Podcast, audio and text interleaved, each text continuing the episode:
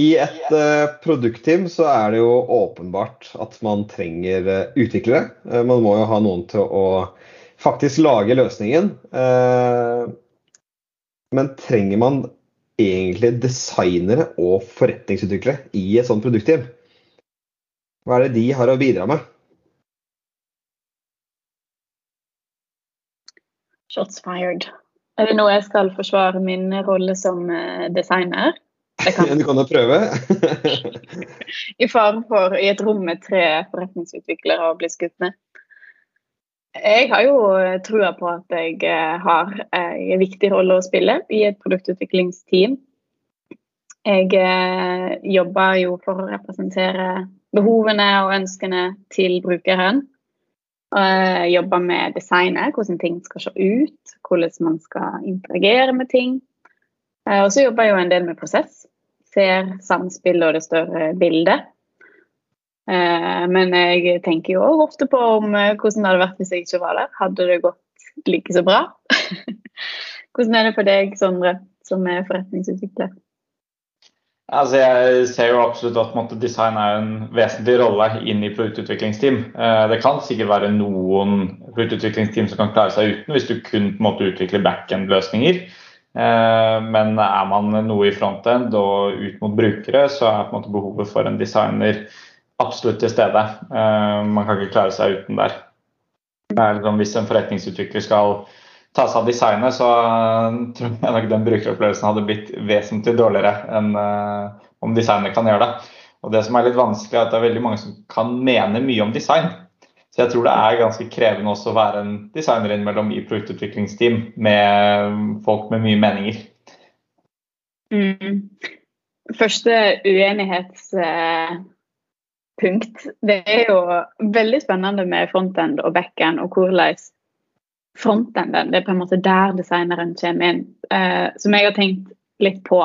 fordi hvis jeg blir kobla på når alle endepunktene fra backend er oppe og går, så er det sånn Nei, det er ikke mulig. Det er mulig. Du må, gå, du må ta utgangspunkt i det.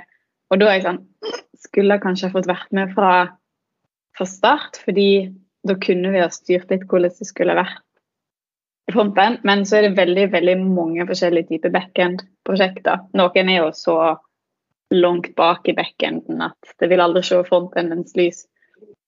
Dagens lys. Men eh, ja, så det er liksom både òg, da på om, eh, om designeren skal være med på backend-prosjekt. men, men, sett at det er eh, Jeg tror vi er kanskje litt enige om, om designerens rolle. Uh, men sett at man da har et produktteam og man ser behov for en designer. Uh, man ser behov for utviklere. Men det derre forretningsrådgiveren også, Hva i all verden skal den, den, personen klare å bidra med inn i, inn i produktteamet? Ja, Det kan jo være vanskelig innimellom å tenke seg til de forskjellige rollene. fordi innimellom så eh, Jeg har kalt meg tidligere en, på en vaktmester eh, inn i produktutvikling. En person som på en måte tar seg av det som trengs å tas av.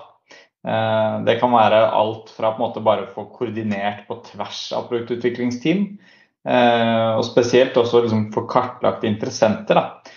Eh, sånn at ikke produktutviklingsteamet blir sittende på en måte alene og altfor autonomt. Vi skal jo prøve å få til autonome team, men når du er en del av en større selskap og kanskje også et stort konsern, så er det viktig at man passer på at man får alignet alt fra måte, strategien til de forskjellige forretningsområdene inn i produktutviklingen.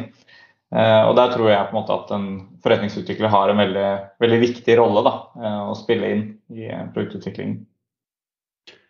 Så er det vel en del tilfeller der en del produkter er knyttet opp mot en, en forretningsmodell at man har åpenbart noen brukergrupper, men man ønsker kanskje noen inntektsstrømmer, kanskje? Det er jo ofte at selskapene ønsker, eh, ønsker å få en liten inntekt av eh, for å betale for disse utviklingsteamene. Så det er absolutt, absolutt noe som må tas av, og det er jo der også en forretningsutvikler kan være litt nøkkelen for å passe på at du på en måte en ting er å utvikle et veldig godt produkt eh, for brukerne, men det hjelper jo lite med mindre man ivaretar de forretningsmessige behovene da, og påser at måtte, inntektene også kommer da, via disse produktene. Men satt litt på spissen, altså, de fleste organisasjoner har jo forretningsutviklere eh, hos seg. Eh, og har gjerne avdelinger eller markedsavdelinger som har ansvar for, for den type arbeid. Og så har man produktgiverne som lager selve produktene. Kan ikke de bare snakke sammen, og så trenger man egentlig en som sitter fast i produktteamet for å måtte oversette forretningen? Det er ikke bare at de kommuniserer? Jeg mener jo at eh, For jeg og Sondre har vært på prosjekt i lag, og der fikk vi til noe som var veldig fint. Og det var den rolla som Sondre fikk og tok. Eh, han inviterte produktteamet mye mer inn i dialogen på hva som skjedde på det strategiske nivået.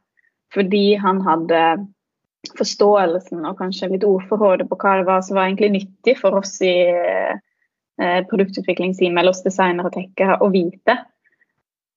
Så jeg følte at det var en bro for oss på det prosjektet. Som også hjalp oss til å få arbeidsro når vi trengte det. Det som kan være tilfellet innimellom, er jo at, at forretningssiden Eh, litt som Kjersti er enig på, De prater på et veldig sånn strategisk nivå da, eh, og et veldig ordforråd rundt liksom, strategi. Eh, og Innimellom så hjelper det på en måte ikke å, som ofte da, det er i en powerpoint, så hjelper det ikke alltid å på en måte presentere denne powerpointen ned til produktutviklingsteam, som har en helt annen på en måte, forståelse og et ordforråd. Da. Og Det er noe med det å på en måte klare å oversette innimellom strategien. Og liksom sette litt ord på hva dette egentlig vil si da, for produktutviklingen. Men minst like viktig er jo også på en måte å klare å oversette måte, kanskje de tekniske og designmessige utfordringene man står overfor, som man ser at ikke er alignet med forretningen. Klare å oversette det opp på et strategisk nivå, eh, sånn at man også kan få tatt beslutninger og på en måte tette det gapet da, som er mellom de strategene og produktutviklingen produktutviklingen. Mm. Og så er det kanskje ikke noen hemmelighet at sånn, den tradisjonelle forretningsutvikleren jobber kanskje et litt andre type arbeidsmåter enn en det eh, produktteamet som de gjerne skal, eh, skal hjelpe da, i den, eh, det caset som du presenterer her nå, Kjersti. Og Man kan jo argumentere for at en, en, forretningsutvikler kanskje gjør best nytte for seg når man, eh, i hvert fall overfor et produktteam, når man òg selv som forretningsutvikler kan jobbe smidig.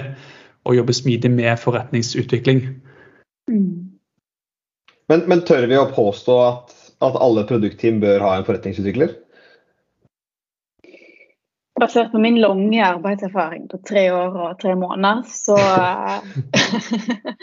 så vil jeg jo absolutt si at jeg har hatt eh, flere fordeler med å kunne jobbe tett med en forretningsutvikler enn ikke å ha det. Og jeg savner det når jeg ikke har det.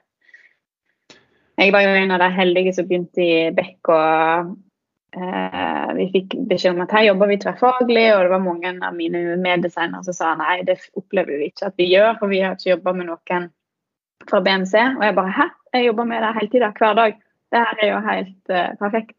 Så selvfølgelig det varierer fra prosjekt til prosjekt, og jeg tror vi har prosjekt som får det til uten. Men jeg kan snakke fra en som har fått det veldig fint til, eller vært med på at det har gått veldig bra på, hos en kunde. Jeg tror nok på en måte at veldig mange team har godt av det. Um, men så tror jeg også det finnes en liten hybridversjon der hvor kanskje ikke alltid er nødvendig at du har en forretningsutvikler i hvert eneste produktutviklingsteam eh, hos en kunde. Men innimellom kan jo også en forretningsutvikler fungere litt på tvers også, av flere produktutviklingsteam. Så det å i hvert fall kanskje ha en forretningsutvikler inn i en utviklingsavdeling, da, tror jeg også kan være, være nøkkelen. Og da kan man måtte bruke tiden sin litt der det trengs til enhver tid. Da. Eh, og min erfaring der er kanskje at de produktutviklingsteamene som måte, utvikler det mest strategiske og det nyeste tingene da, eh, som skal ivareta, der er det mest behov. Mens kanskje andre som sitter og ivaretar på en måte, om det skal være profilsider eller på en måte litt andre typer ting, har kanskje ikke like mye behov. Men behovet for den koordineringen på tvers vil uansett på en måte være til stede. Det merka jo vi litt, Sondre, med forrige prosjekt sammen òg, at eh, um, produktutviklingsteamet bør rådgi i prioriteringsprosessen og nå opp til strategien hva bør komme next. Men det jo ganske vanskelig eh, som utviklere og designere å både gjøre det og holde et øye på det som vi gjorde akkurat nå, og produsere. Så da var det veldig fint å ha inn en som eh, var trent i å løfte blikket og, og, og jobbe med, med, langsiktige ting. Og du kalte deg selv tidligere vaktmester, Sondre.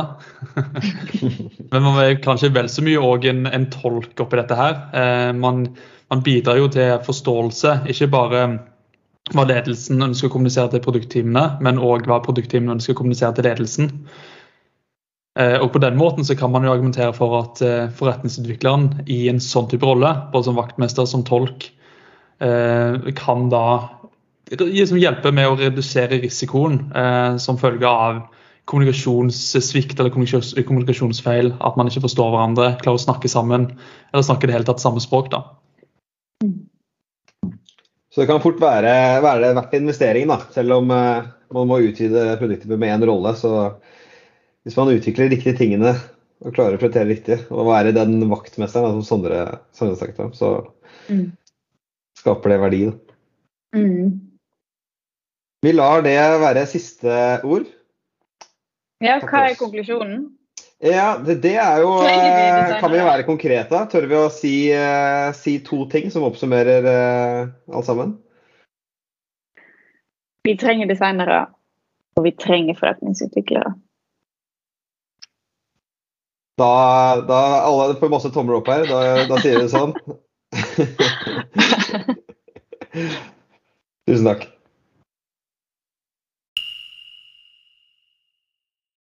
Drypp er en lavterskelpodkast fra Beck, hvor vi diskuterer diverse temaer som interesserer oss. Og Hvis du har et tema som du har lyst til at vi skal snakke om, eller du vil være med på en innspilling, ta kontakt på drypp.beck.no.